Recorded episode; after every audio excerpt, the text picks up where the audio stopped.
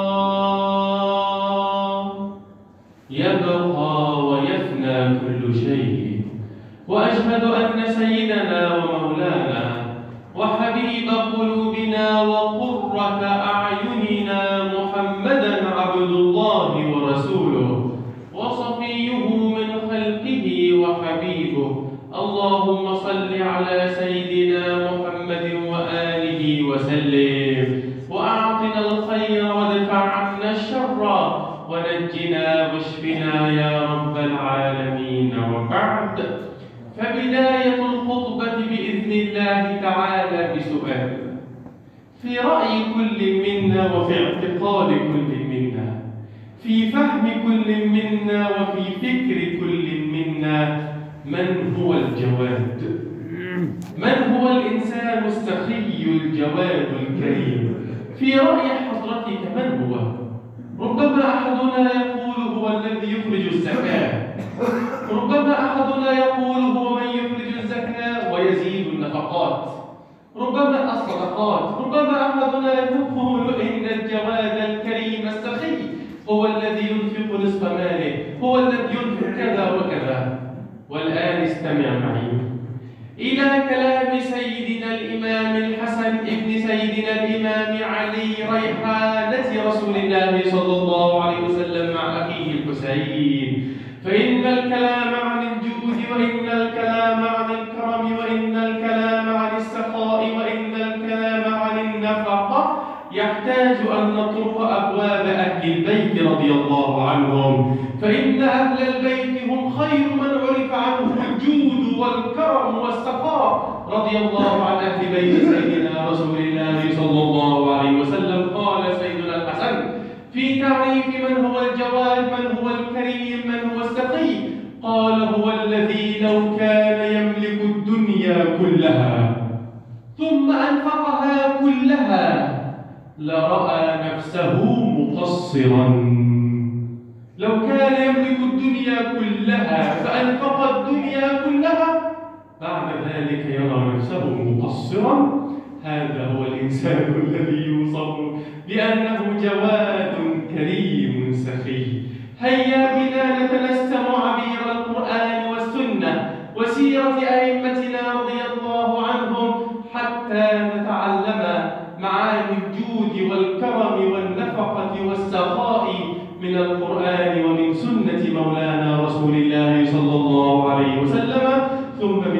أئمتنا رضي الله عنهم بداية الكلام. حتى يكون الإنسان جوادا كريما سخيا منفقا. ماذا يحتاج؟ يحتاج إلى ماذا؟ حتى يكون أساسا لهذا الإنسان لكي يكون جوادا لكي يكون كريما لكي يكون سخيا. يحتاج إلى ماذا؟ يحتاج إلى اليقين. أنا لم أفهم ماذا تقصد؟ صلوا بنا على سيدنا رسول الله. ألم تقرأ قول الله تعالى وما أنفقتم من شيء فهو يخلفه. كل شيء أنت تنفقه الله تعالى سيخلفه عليك. لو أنفقت جنيها سيخلفه الله عليك عشرا. لو أنفق وزيادة. ولو أنفقت عشرا سيخلفها الله عليك مئة وزيادة. لو أنفقت مئة ألفا سيخلفهم الله تعالى عليك بزيادة وزيادة وزيادة فالإنسان العاقل.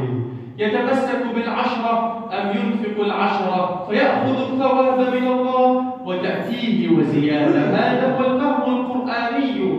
وهذا هو الفهم من هدي رسول الله صلى الله عليه وسلم. قال الله وما أنفقتم من شيء فهو يخلفه. قال سيدنا رسول الله صلى الله عليه وسلم يخلفه يعني يرده إليك ومع الزيادة. قال النبي صلى الله عليه وسلم ما من يوم تشرق فيه الشمس إلا وينزل ملكان وكل منهما ينادي فيقول أحدهما اللهم أعط منفقا خلفا. أحد الملكين ينادي يا رب من أنفق؟ رد إليه ما أنفقه. ومع الزيادة اللهم أعط منفقا خلفا والملك الآخر ينادي ويقول اللهم أعط ممسكا تلفا الذي يمسك ويبخل ويرفض النفقة يقول الملك اللهم أعط هذا الممسك أعطه تلفا في أمواله نسأل الله السلامة يا رب العالمين فالأساس القرآني والأساس من هدي رسول الله صلى الله عليه وسلم الذي يدفع بالإنسان لكي يكون كريما الذي يعينك ويساعدك لكي تكون سخيا هو اليقين أنني لو أنفقت نفقة أخذت ثوابها ورجعت إلي مع الزيادة فلماذا أبخل؟ إذا كانت هذه النفقة التي سوف أنفقها سترجع إلي ومع زيادة ومع ذلك ثواب من الله تعالى فما الذي يجعلني أبخل؟ فإذا كان الإنسان على يقين من هذا الكلام القرآني على يقين من هذا الكلام النبوي وجدته بكل سهولة ينفق ولا يبخل أبدا. هذا عن القرآن هذا عن هدي مولانا رسول الله صلى الله عليه وآله وصحبه وسلم. هيا بنا نبدأ القصص المتعلقة بذلك. القصة الأولى هي مثل يصوره لنا النبي صلى الله عليه وآله وصحبه وسلم. نعم هي قصة يقصها علينا حضرة النبي صلى الله عليه وسلم كأنها مثل. في أن أي إنسان ينفق فإن النفقة سترجع إليه ومع الزيادة. في أن أي إنسان ينفق فإن النفقة سترجع إليه. بل ومع الزيادة ليس هكذا فقط. بل وإن ملائكة ربي. حتى الملائكة تكون عونا لك في أن الله يوسع لك رزقك. يعني أنا لما أنفق 10 جنيه حتى الملائكة تكون عونا لي في أن الله يوسع رزقي. طبعا طبعا طبعا طبعا. حتى الملائكة الملائكة اللي في السماء يعني؟ أيوة حتى الملائكة اللي في السماء. روى الترمذي في جامعه والحاكم في مستدركه أن النبي صلى الله عليه وآله وصحبه وسلم يقص لنا عن رجل من الصالحين كان في سفر له. وإذا بذلكم الرجل من الصالحين كما أخبر حضرة النبي صلى الله عليه وسلم في الحديث يسمع كلام ملائكة كلام الملائكة في سحابة في السماء. وإذا بملك يقول للآخر هيا بنا نسير بهذه السحابة إلى أرض رجل يسمى كذا في قرية كذا في مدينة كذا في بلدة كذا. تعجب الرجل كيف أن الملائكة يعرفون رجلا باسمه ونعته وصفته وقريته وبلدته ومدينته. الملائكة عارفين كل ده؟ وماشيين بالسحابة الراجل ده بالذات تعجب ذلكم الرجل الصالح كما ورد في حديث رسول الله صلى الله عليه وسلم. يسير الرجل مع تلك السحابة حتى نزلت السحابة بالأمطار فوق أرض هذا الرجل خصوصا. فإذا بهذا الرجل يدخل إلى صاحب الأرض ويسأله متعجبا أنت ماذا تصنع؟ ما هي ما هو منهجك في الحياة؟ ما هي أعمالك الصالحة؟ قال لا شيء إلا أني عندما أزرع هذه الأرض وآخذ ثمرها فإني أقسم ثمارها إلى أقسام ثلاثة الربح إلى بعض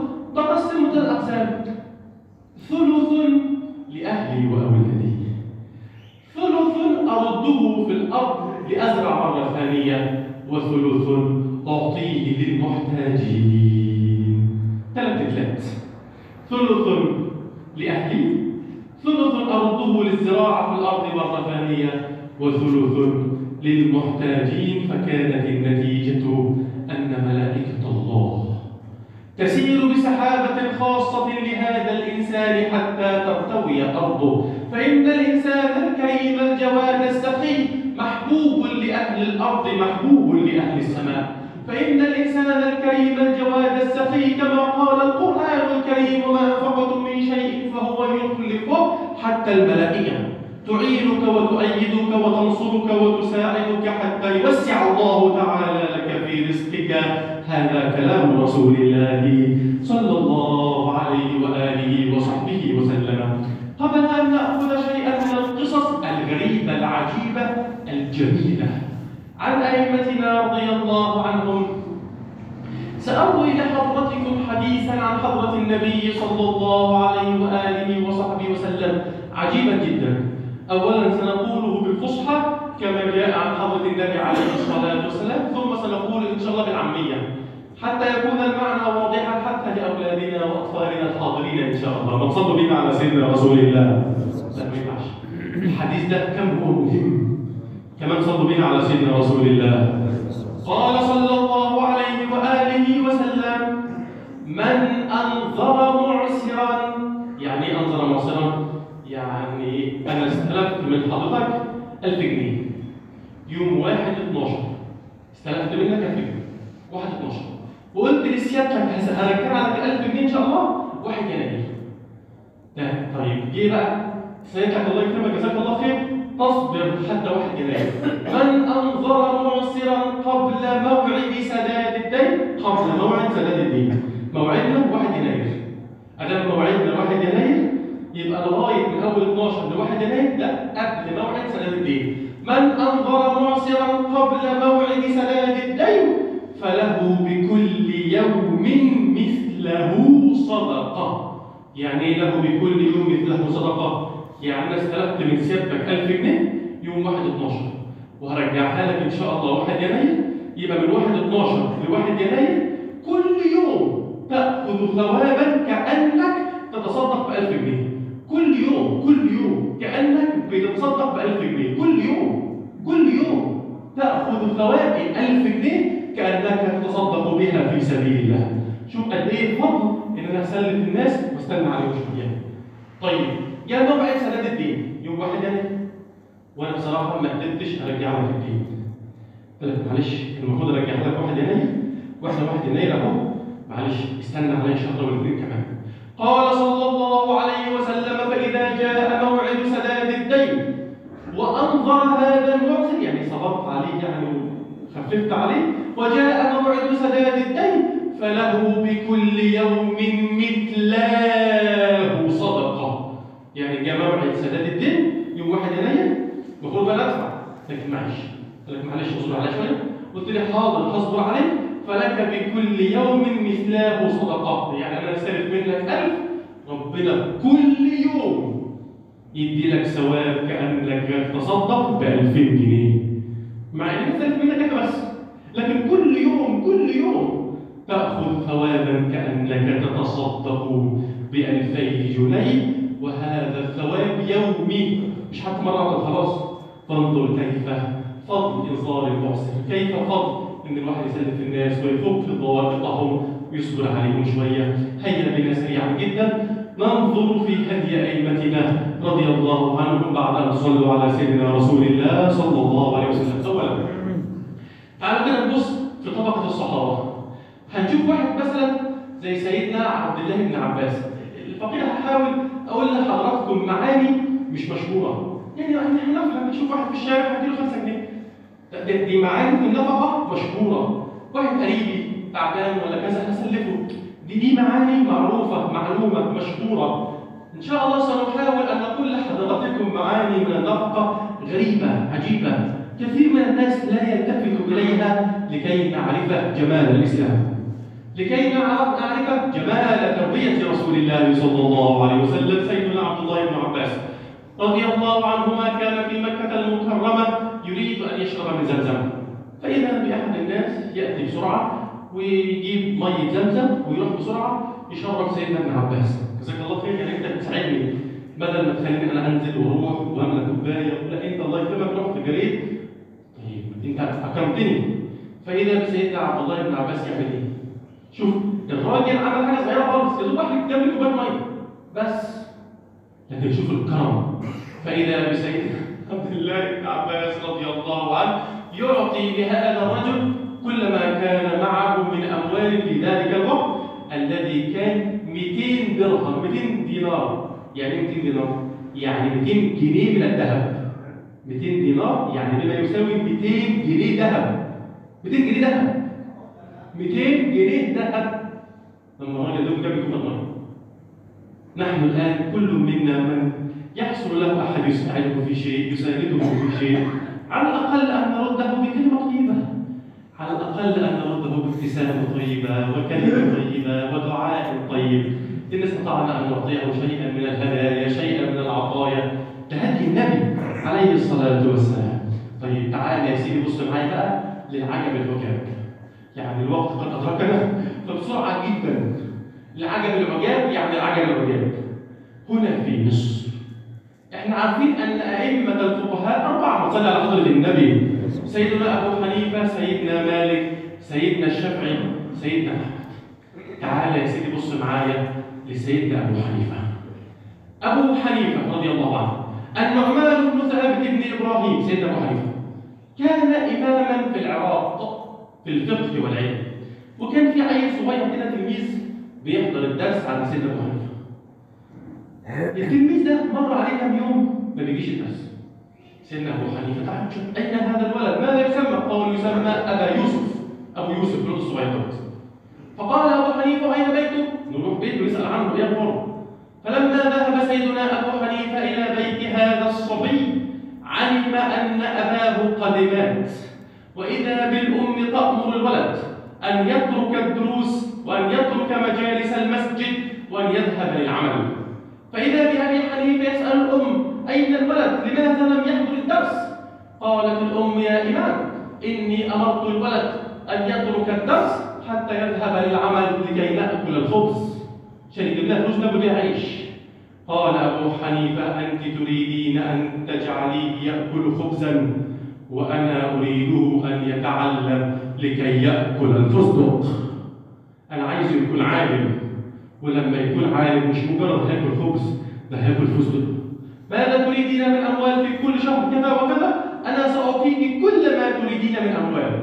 وإذا بسيدنا أبو حنيفة يصنع مرتب شهري لأسرة سيدنا أبو حنيفة لأسرة سيدنا أبو يوسف علشان يخلي الولد يجي الدرس ويتفرغ لطلب العلم. حضراتكم عارفين مين سيدنا أبو يوسف ده؟ سيدنا أبو يوسف ده واحد أصبح قاضيا. اثنين. أصبح قاضي القضاة يعني أكبر قاضي في الدولة الإسلامية كلها مش في العراق بس في الدولة الإسلامية كلها. ثلاثة أصبح من أهل الشورى لأمير المؤمنين هارون الرشيد. أربعة من أكبر العلماء في الأمة الإسلامية. خمسة من أئمة المذهب الحنفي. كل ده ببركة شيخه سيدنا أبو حنيفة اللي راح لغاية البيت وطفل صغير. وأنفق عليه شيئا من المال. شوف بقى الثواب اللي حصله سيدنا أبو حنيفة قد إيه لما اعتنى بهذا الصبي الصغير يا اخوانا الكرم والنفقة والجود هي هدي سيدنا رسول الله صلى الله عليه وسلم وعن نبيه أنه قال كل ابن آدم خطاء وخير الخطائين التوابون توبوا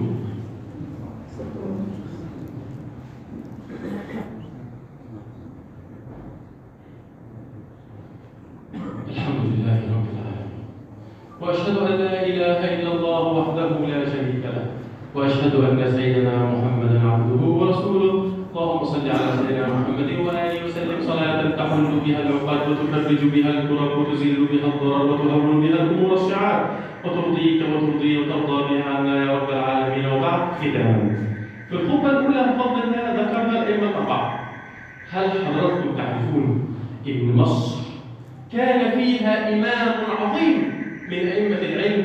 هو سيدنا الإمام الليث بن سعد. رضي الله عنه. ومقامه في القاهرة معلوم معروف مشهور. يزوره الناس رضي الله عنه وأرضاه.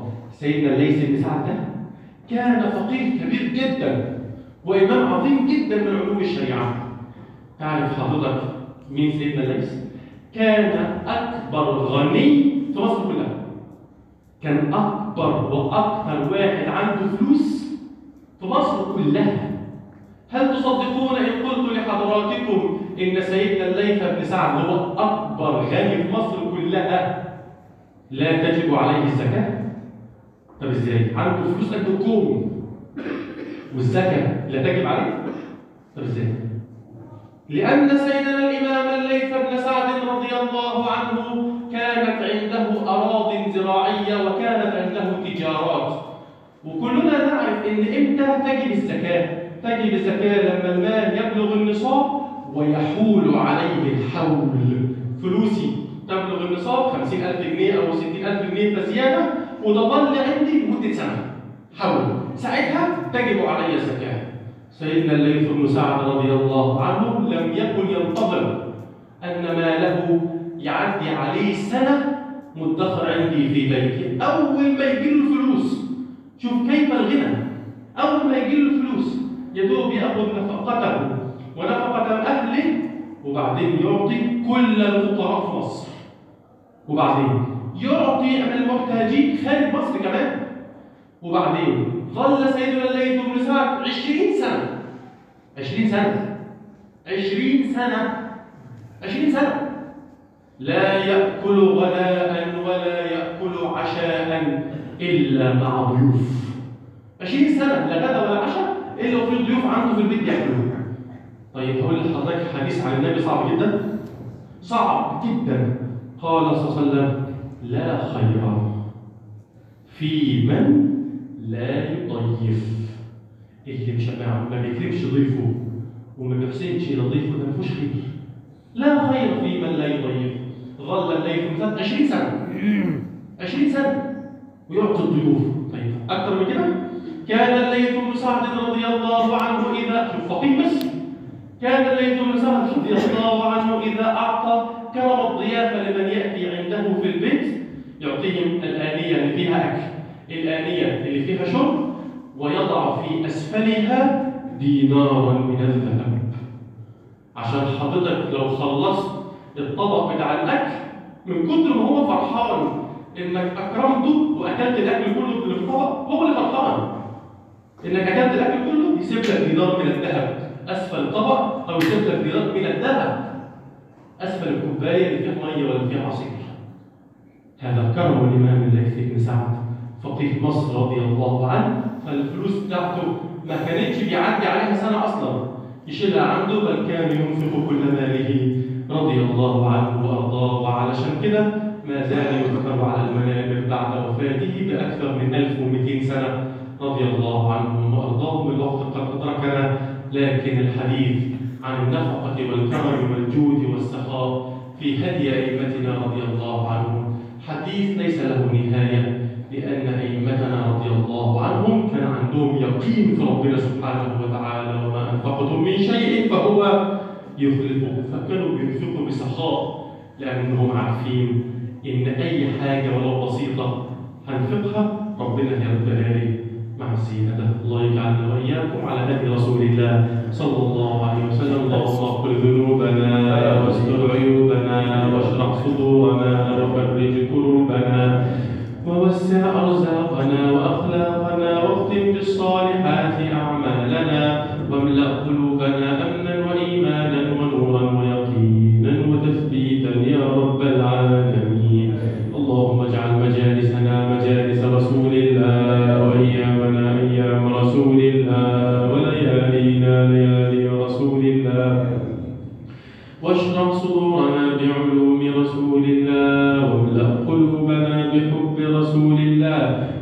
وأدخلنا في حسن سيدنا رسول الله وأطلق ألسنتنا